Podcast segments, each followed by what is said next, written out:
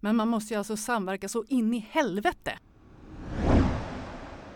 Du lyssnar på Socialtjänstpodden. Idag pratar vi om brottsförebyggande arbete. Vem är jag till för som socialarbetare? Står jag på den svaga sida? Står jag på maktens sida? Min kompis sa att om man snackar med SOS så tar de barnen. Att spara pengar till statskassan genom att utförsäkra en massa människor. Då biter man sig själv i svansen till slut. Och det är väldigt viktigt för Sverige att socionomer vill arbeta i socialtjänsten. De vill ha en socialtjänst där socialsekreterarna är stolta över sitt jobb. Hej och välkomna till Socialtjänstpodden. Podden för dig som är intresserad av socialt arbete och socialpolitik. Lag och ordning, strängare straff och hårdare tag var en stor del av valdebatten i år. Samtidigt har bland annat Akademikerförbundet SSR tillsammans med Polisförbundet lyft att det snarare behöver satsas mer på att förebygga brott. Den myndighet som är expert på det är BRÅ, Brottsförebyggande rådet. Och där arbetar Karin Svanberg och Linda Lindblom som jag har med mig här idag. Välkomna! Tack. Tack. Kan inte ni börja med att berätta vad BRÅs uppgift är? Jo, eh, Brå är ju en myndighet under justitiedepartementet som verkar för att brottsligheten ska minska och tryggheten öka i samhället. Och det gör vi på olika sätt men framförallt genom att ta fram fakta och sprida kunskap om brottslighet och brottsförebyggande arbete. Eh, och vi arbetar alltså då på uppdrag av Sveriges regering och ofta i samverkan med andra myndigheter och organisationer. Och vilka tendenser ser ni när det gäller brottslighet i Sverige idag? Ja, Brå utvecklar ju och sprider den officiella kriminalstatistiken, eh, till exempel eh, anmälda brott. Och den visar ju ganska sällan på hur den faktiska brottsligheten ser ut. Utan snarare vad rättsväsendet väljer att fokusera på. Mm. Eh, men vi genomför en massa olika undersökningar och när man sätter samman olika källor så kan man om man ska väldigt grovt och snabbt eh, säga hur läget ser ut så kan man säga att eh, eh vi slår och snor mindre och luras mer. Okej. Okay. Eh, och det här gäller ju även eh, faktiskt de unga. Eh, så ja, så ser det ut ungefär. Så mindre våld och snatterier och mer bedrägerier? Ja, det är en hyfsad sammanfattning. Ja. Eh, kommunerna de har ju inget uttalat brottsförebyggande uppdrag men de flesta kommuner ser ändå att för att kunna minska vissa typer av brottslighet så krävs det att de är involverade. Hur ser det brottsförebyggande arbetet ut generellt i kommunerna? Ja, även där gör vi ju faktiskt undersökningar. Sedan två år tillbaka så eh, har vi i uppdrag att göra en årsrapport om hur läget är i det brottsförebyggande arbetet nationellt, regionalt och lokalt. Eh, och då frågar vi eh, många aktörer men särskilt de lokala aktörerna kommun och, och polisen lokalt. Eh, och då kan man ju säga, alltså, det är samma svar som har funnits eh, sedan ganska länge tillbaka i tiden, att det ser väldigt olika ut. Man arbetar på väldigt, man har man, olika förutsättningar, man har väldigt olikartade problem och man arbetar med väldigt olika intensitet. Eh, man kan ju se att, att eh, det brottsförebyggande arbetet konkurrerar med väldigt många andra uppgifter som inte mm. heller är lagstadgade. Så att det blir en sorts perspektivträngsel. Eh, man, man, där det finns väldigt starka nationella initiativ, det, det är det som tenderar att ta över så att säga. Det, det är en sak som vi ser.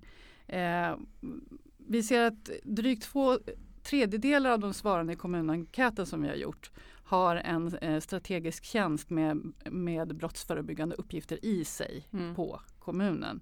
Men det kan ju alltså vara till väldigt, kanske 5 eller 10 procent av den tjänsten. Eh, och det finns lokala brottsförebyggande råd eller motsvarande strategiska organ i de flesta av landets kommuner. Ungefär så ser det ut. Det har ju blivit mer fokus på förebyggande socialt arbete, inte minst med anledning av översynen av socialtjänstlagen.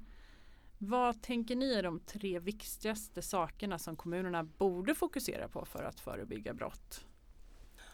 Ja, nej men jag, jag tänker så här att, att utveckla ett uppsökande arbete är ju extremt viktigt i så gott som alla kommuner i Sverige det finns ju redan idag i socialtjänstlagen så finns det ju skrivelser om att vi ska jobba Mm. uppsökande och förebyggande.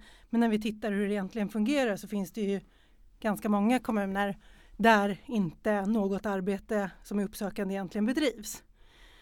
Det finns jättegoda intentioner med familjecentraler, det finns fältförlagda socialsekreterare. Så, det, så att det finns en hel del saker men vi ser ju att det skulle behövas väldigt mycket mer. Och det trycker man också på i den här nya rapporten som har kommit. Så det tycker jag känns jättebra och det är det vi skulle behöva se väldigt mycket mer av. Ja, om man säger generellt i kommunen och inte bara socialtjänsten så trycker vi på att man ska jobba i samverkan och man ska jobba kunskapsbaserat. Och det här med kunskapsbaserat eh, det är ju en av de sakerna där det varierar stort mellan kommunerna Mm. om man gör det eller inte. De som har haft problem länge tenderar att arbeta mer kunskapsbaserat än andra och mer i samverkan med andra. Eh, de som inte har haft problem länge eller inte liksom har kommit i kontakt med sina problem så mycket Eh, de gör inte det och det försöker vi stärka. Och när, när vi pratar om kunskapsbaserat så menar vi att man ska ha en god bild av hur eh, brottslighetsproblemet och otrygghetsproblemet ser ut lokalt där man verkar.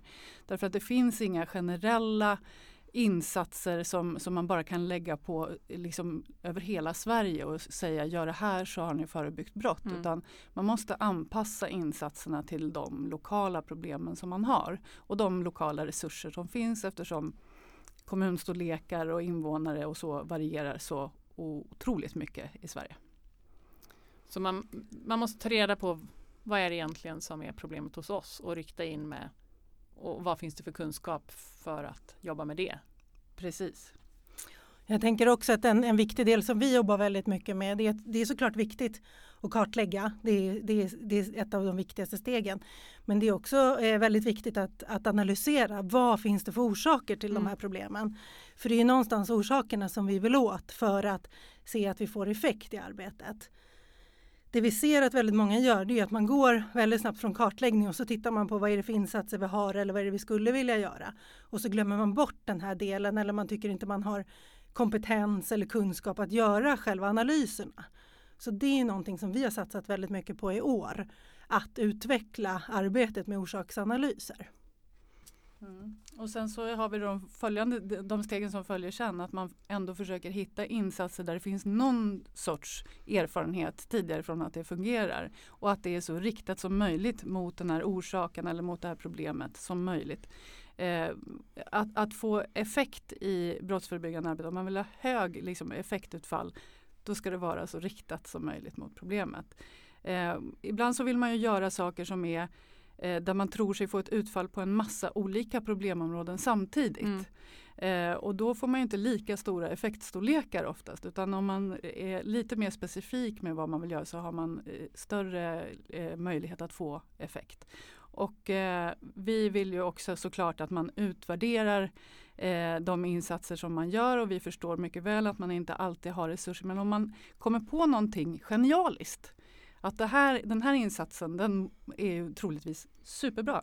Då kan man söka pengar från Brå för att utvärdera sin insats och få det liksom belagt att det här, det här är verkligen så bra som vi tror att det är. Mm. Särskilt om det är något liksom, eh, ja, lite nydanande, innovativt arbete.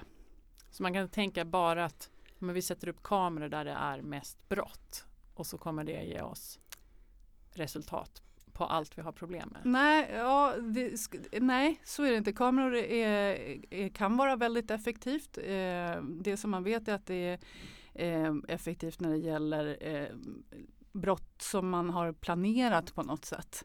Sådana här brott som är affekt som till exempel våld ofta är.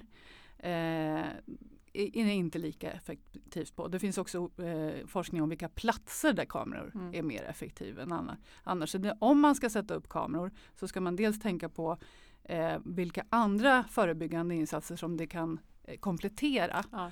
eh, och vill, vad det är som man tänker att eh, det ska hjälpa mot för att det hjälper inte mot allt eller Mm. det kan inte förebygga allt. Där tänker jag också att det är så jätteviktigt att vi pratar ju ofta om att det både finns ett socialt förebyggande arbete och ett situationellt brott, Mm. eh, brottsförebyggande arbete. Och, och ju- just i orsaksanalysen så handlar det ju om att titta noga på vad är det för, för bakomliggande orsaker. Det kanske inte är så att vi måste göra insatser på alla plan, för vi vill ju inte slösa med de resurser som vi har. Men det är inte alltid så att vi bara kan göra insatser på själva platsen eller insatser för att förändra beteendet som är det mest effektiva. Så vi behöver verkligen lägga mer tid än vad vi gör idag just på kartläggning och analys.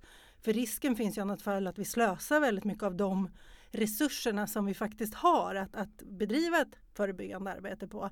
För att någon vill göra någonting, man har en egen idé som man vill göra. Eh, många insatser som man kanske själv har tagit fram. Jag skulle också vilja säga att det kanske inte alltid är ett fel, precis som Karin sa. Så är det, inte, det är inte helt fel att prova något helt nytt om det inte finns någonting. Men att man alltid noga med och följer upp om det här faktiskt hade effekt. För det mm. handlar ju både om människor som vi behöver värna om och också om kommunens ekonomi. Mm. En, en annan, ett annat exempel förutom kameror på som man tror kanske ska vara eh, resultera eller ge effekt på många planer till exempel eh, då, om vi bara startar en ungdomsgård så eh, så avhjälper vi en herrans massa problem. För man instinktivt tror man att det är ungdomar som står mm. för all brottslighet i, i, på en plats. Eh, nej, det kanske inte heller är det som man ska göra. Det kan vara det. Och det kanske är det om det är så att, eh, att man tror att eh, brottsligheten begås av unga och att det beror på att de inte har någonstans att vara. Då, då skulle det kunna vara det. Men det, det avhjälper ju inte all brottslighet i ett område. Nej. Eh, men en annan sak som ni har lyft fram är just här också att kommuner inte alltid är så bra på att samverka inom sig för att använda om man nu bara tänker resurserna inom själva kommunen optimalt. Mm. Eh, det ser vi också i vår undersökning att eh, eh, samverkan fungerar bättre och bättre externt med polisen och med näringslivet och med civilsamhället ofta. Men eh, det skulle behövas mycket mera samverkan internt inom kommunen när det gäller den stora frågan om att planera samhället. Mm. Precis så som det regleras i socialtjänstlagen så så behöver liksom socialtjänsten vara med i det stora samhällsbygget också. Eh, och jag tänker att även eh, kultur och fritid och, och socialtjänst och samhällsbyggnad eh, eller de hårda förvaltningarna, mm. vad vi vill kalla det för, eh, liksom gemensamt bör tänka på det brottsförebyggande trygghetsskapande aspekten i samverkan när de bygger sin kommun så att säga. Ja, men om man går över då till, till staten vad, vad borde staten göra för att eh, jobba bättre förebyggande i de olika myndigheterna? Eh, polisen är ju den myndighet som egentligen har ett lagstadgat ansvar att jobba brottsförebyggande. Mm. Så att på dem vilar ju en hel del Ehm, samverkansansvar och liknande. Där finns det kommunpoliser idag som har en strategisk samordningsfunktion och i flera områden så finns det också områdespoliser som ska jobba mer praktiskt brottsförebyggande. Så där, där, där, finns det en stor roll att spela och även när de planerar insatserna för deras ingripande verksamhet så är det, där är det viktigt att de samordnar sig också internt. Än bättre kanske än vad det har varit idag. Mm. Det finns ju också många andra myndigheter som kan och ska bidra i det här arbetet. En, en myndighet eller flera myndigheter som det är ju Länsstyrelsen som sedan förra året har fått ett uppdrag att samordna det brottsförebyggande arbetet regionalt. De ska kompetenshöja de lokala aktörerna och de har också en möjlighet att bidra med kommunöverskridande insatser vid olika brottstyper.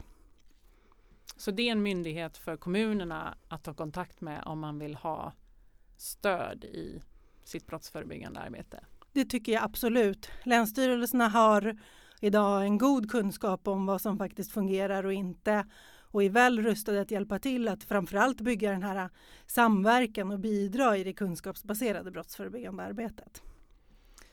Eh, men om man tänker så här, i storstäderna så finns det ju väldigt många poliser eh, som kommuner kan samverka med och att det kanske är så att man i varje kommun i alla fall har någon polis som man har direkt tillgång till.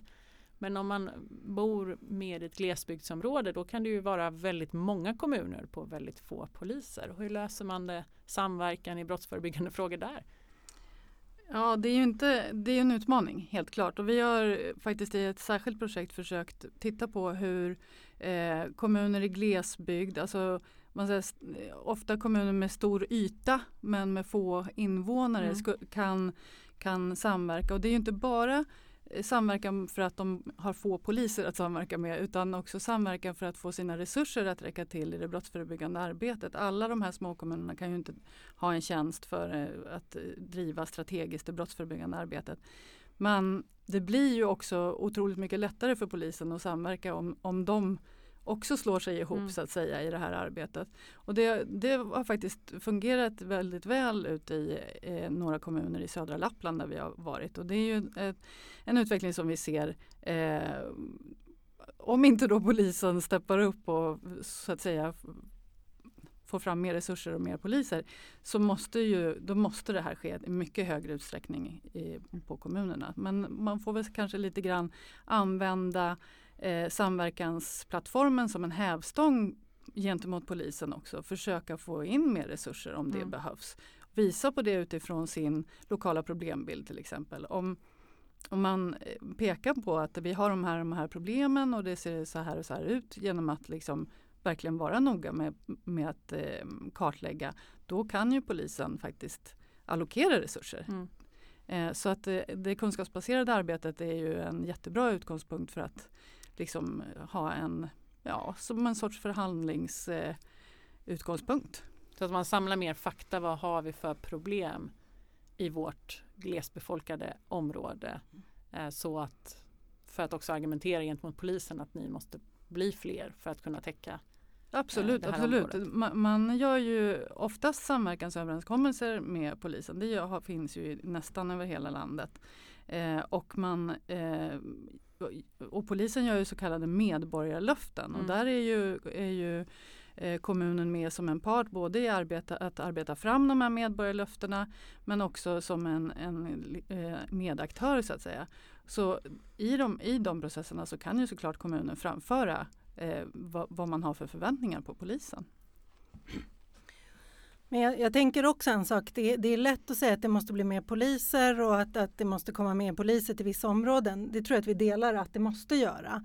Men alla problem löses inte av polisen. Nej. Jag tänker tra trafikbrottslighet är ett ypperligt exempel att ta upp. att Självklart kan polisen stå där och göra insatser i den akuta situationen. Men någonstans så är det enbart symptomlindring. Då kanske man också i ett större grepp måste se, ja men vi har problematisk bilåkning eller här kör man för fort eller här driftar man med bilar eller här kör man moppe för fort. Vad kan vi göra åt det för att få bort problemen mer permanent? Mm. Och den lösningen kanske inte det alltid heller är polisen som ska göra. Det kan ju finnas väldigt många andra som ska bidra. Vad kan näringslivet göra? Vad kan civilsamhället göra och vad kan också kommunen göra mm. för att komma åt de här bakomliggande orsakerna? Och det tycker jag ibland att vi glömmer. Med det sagt så vill jag inte säga att det är tillräckligt med poliser. Men jag tycker också att vi måste kunna lyfta frågan och det är just där samverkan och samverkansöverenskommelserna verkligen kan göra skillnad om man vårdar det på rätt sätt. Mm. Jag håller med, 100 procent. Um, sen så ansvarar ju ni också för arbetet mot våldsbejakande extremism. Uh, sen bara några månader tillbaka. Ehm, så har ni ju Centrum mot våldsbejakande extremism hos er. Och den här formen av brottslighet har ju haft ett enskilt fokus inom den nationella samordnaren. Ehm, varför är det så viktigt att det här arbetet integreras i annat brottsförebyggande arbete hos er?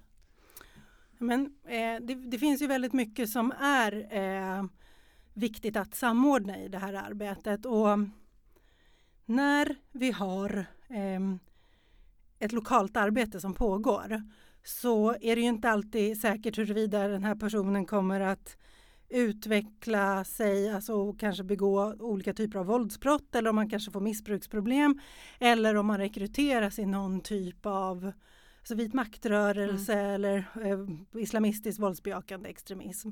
Så där finns det väldigt mycket vinster att göra.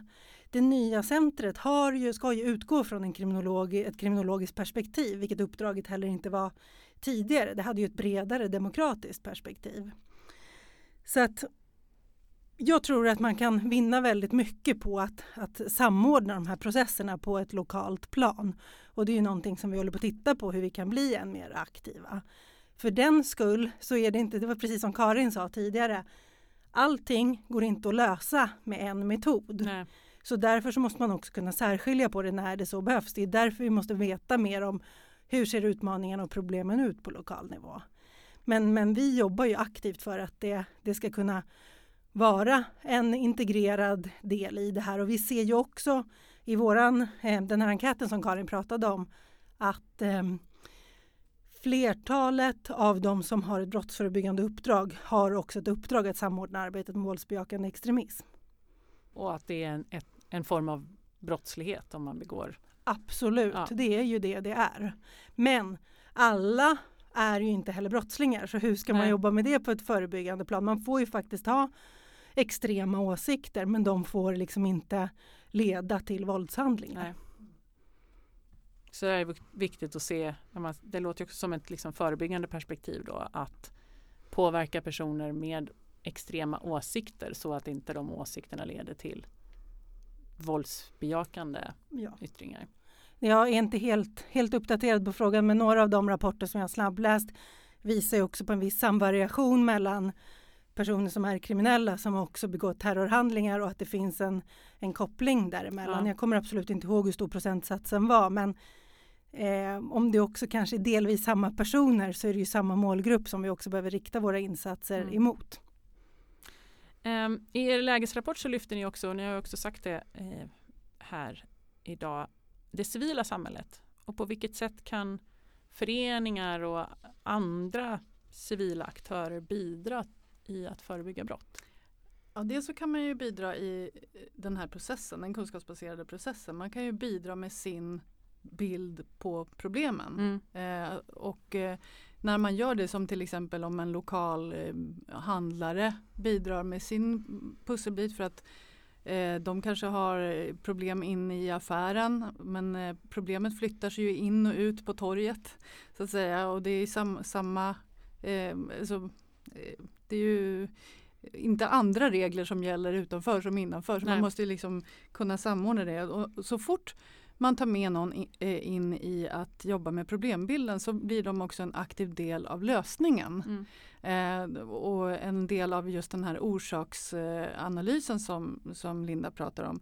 Eh, så jag, jag tror att ehm, den stora ingången gentemot andra aktörer är att få med eh, i problembilden. Men sen så finns det såklart eh, massa aktörer som man kan använda för att man helt enkelt ser att ett jobb behöver bli utfört på något sätt. Om man har en, om man har en plats där man ser att man behöver mer eh, informell social kontroll eller formell social kontroll så kan man ju se till att eh, föreningar eh, för, föräldravandrar eller, eller eh, eh, till och med sådana här eh, värdar från fastighetsföretagen eller så.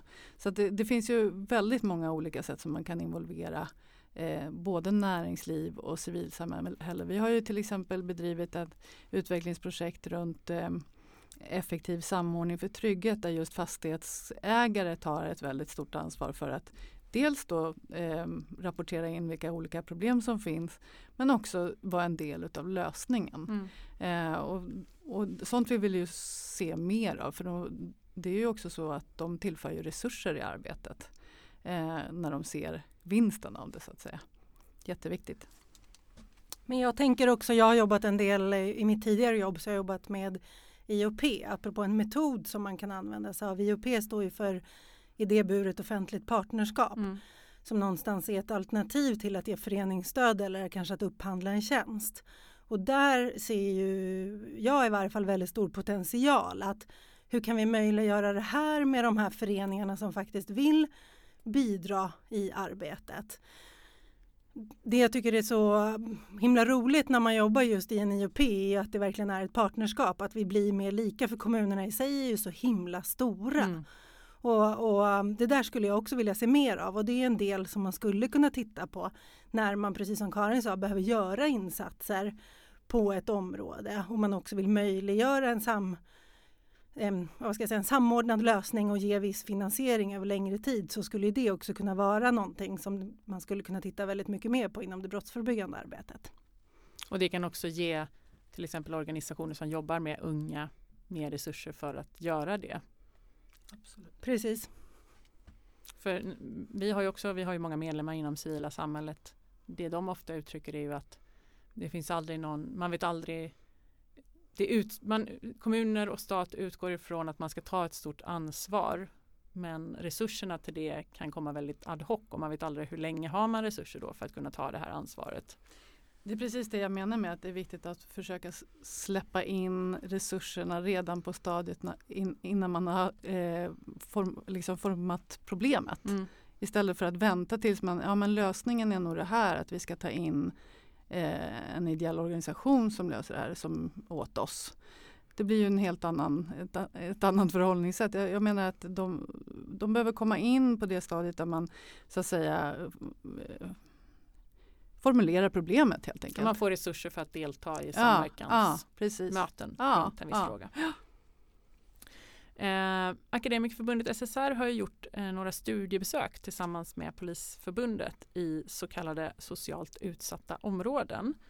Eh, och vi har ju sett väldigt positiva exempel på att brottslighet kan minska rejält i områden där socialtjänst och polis samarbetar. Vad ser ni som de viktigaste framgångsfaktorerna? Jag tror att jag har pratat om, om det redan. Eh, att jobba i samverkan och jobba kunskapsbaserat. Jag fick ett citat till mig den här morgonen från en eh, person i Götene som sa så här. Ja, ja, ni pratar om att man ska samverka, men man måste ju alltså samverka så in i helvete. Eh, eh, det är alltså samverkan på ett eh, väldigt eh, djupt plan om man så säger. Eh, det, det, får inte vara, det ska inte vara kaffemöten eller så utan mm. man, det är samverkan på riktigt som måste till. Vi ser ju i det arbete som vi gör i Malmö nu runt ett projekt som heter Sluta skjut. ett intensivt samverkansarbete mellan polisen, kriminalvården, eh, socialtjänsten i kommunen och eh, åklagare och eh, ja, kriminalvård sa jag. Eh, och eh, där, där samverkar de så in i helvete och har gjort det ett år eh, redan innan för att analysera just den här gängproblematiken som de vill komma åt med, med skjutningar. Eh, och nu så sätter de igång med interventionen. Och, det är inte någon no, liksom enkel sak de har verkligen fått vända ut och in på sig själva för att få till, få till det här arbetet. Och det tror jag att eh, det är en framgångsfaktor. Eh, hårt, hårt samverkansarbete, mm. så in i helvete. Ja, det var, det var bra sagt Karin. eh, nej men jag, jag tänker också så här att det vi har sett av de, de rapporter som vi har skrivit om just socialt utsatta områden så har vi ju dels sett att man måste verkligen bli än tydligare att rikta insatserna till där brott begås. Så det brukar man ofta prata om någonting som man kallar för hotspots. Och att det är där som vi också ska satsa insatserna. Samtidigt som det jag också sa tidigare att jobba socialt förebyggande och mer det situationella. Vi pratade tidigare om kamera. Ja, kamera skulle kunna vara en del, men också hur gör man för att de här individerna som är kriminella ska kunna eh, få det stöd och den hjälp de behöver. Och där finns det också en väldigt stor otydlighet i nuvarande socialtjänstlag. Vad gör man med dem som mm. vi kallar för avhoppare som faktiskt inte ryms inom lagen för LVU eller LVM eller socialtjänstlagen för de som är under 18 eller 20. Mm. Och där finns det ett glapp idag och det är därför som det här stödet också är så ojämlikt beroende på i Sverige var du faktiskt bor. Och hur kommunen tolkar sitt uppdrag. Precis, så är det. Och det, där gör ju, vi pratade ju om civilsamhället tidigare, där gör ju de en väldigt stor insats om vi tittar på till exempel Exit och Passus och de mm. verksamheterna som finns som, som ger ett stöd som kommunerna idag inte riktigt eh, kan leverera eller ska leverera mm. beroende på hur vi faktiskt tolkar den lagstiftningen som är. Och det är ju verksamheter inom Fryshuset. Japp. Eh, men där låter det också som att när ni berättar om Malmö så har, där har man ju samverkat på andra sätt mellan socialtjänst och polis. Eh, och där har man ju en väldigt utsatt situation när man har så väldigt mycket skjutningar.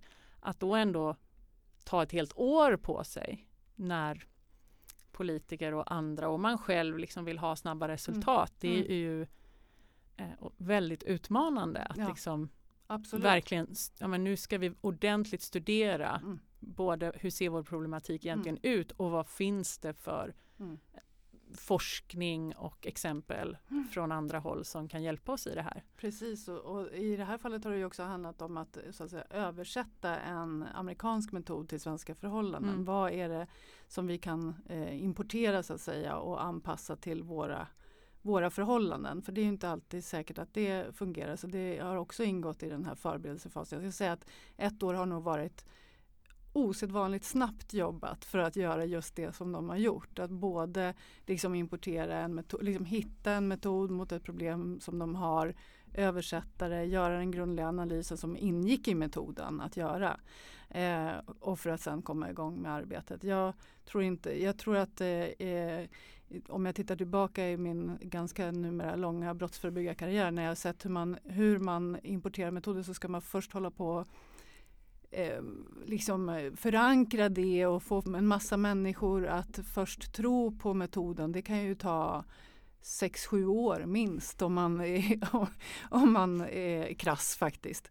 Så att eh, det här var nog faktiskt ovanligt snabbt jobbat men de har varit otåliga och velat gå fortare framåt. Mm. Det är mm. nog faktiskt vi som har lite grann dragit i, i, i tömmarna där. Mm. Men Karin, där tänker jag ju också lite som du har pratat om tidigare, det här med vad, vad socialtjänsten kan och vad man faktiskt redan idag gör. Vi mm. har ju goda exempel om vi tittar på Göteborg och Angered och så hur faktiskt också socialtjänsten idag är mycket mer uppsökande, man är mer flexibel i sitt arbetssätt och det där tror jag också att vi kommer behöva se mer om vi ska mm. jobba effektivt brottsförebyggande gentemot det vi pratar om gärningspersoner, alltså klienter inom socialtjänsten. Så, så kan ju vi väldigt mycket se, det vi, det vi hör och det vi får berättelser om är att socialtjänsten inte kan möta den eh, de behoven som finns med mm. väldigt snabba insatser, bistå i skydd på annan ort när polisen inte längre kan göra det och liknande. Så här, här finns det ju liksom en stor möjlighet att kunna tänka och jobba nytt. Men då måste man kanske också tydliggöra det mm. i socialtjänstens uppdrag, tänker jag. Och där hoppas vi mycket på översynen av socialtjänstlagen. För direktiven i alla fall säger väldigt tydligt att man vill ha en annan inriktning på socialtjänstens insatser. Absolut, det känns ju jättekul om, om bara hälften av det som faktiskt står i det skulle bli av så ja. skulle det vara otroligt bra för det brottsförebyggande arbetet i Sverige tror jag. Om vi eh, av, går mot avslutning nu då, om man arbetar i en kommun och man känner att man behöver stöd i sitt brottsförebyggande arbete, man kanske inte har kommit lika långt som flera storstäder har gjort. Var ska man då vända sig? Ska man vända sig till er eller ska man vända sig till Länsstyrelsen eller vad gör man? Man kan börja med att vända sig till Länsstyrelsen tycker jag. Eh, för att eh, de ska stödja det lokalt brottsförebyggande arbetet i det, i det länet där man verkar. Eh, men det finns såklart väldigt mycket eh, matnyttigt att hämta även från oss. Eh, vi har ju en hemsida där, som heter Förebygga brott under bra.se där det finns både utifrån eh, brottstyper och utifrån metoder och hur man kan bygga upp organisatoriskt och en massa matnyttiga tips om hur man kan tänka och man kan också självfallet höra av sig till oss på olika sätt och det kan man gärna göra via den hemsidan.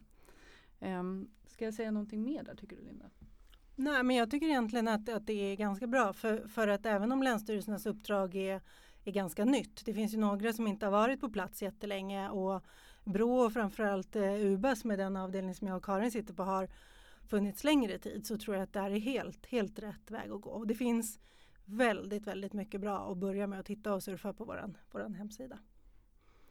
Tack så mycket Karin och Linda för att ni har varit med i Socialtjänstpodden idag. Om två veckor är vi tillbaka och då kommer en annan statlig myndighet hit, Diskrimineringsombudsmannen, för att prata om diskriminering i socialtjänsten. Och tills dess, tack för att du har lyssnat.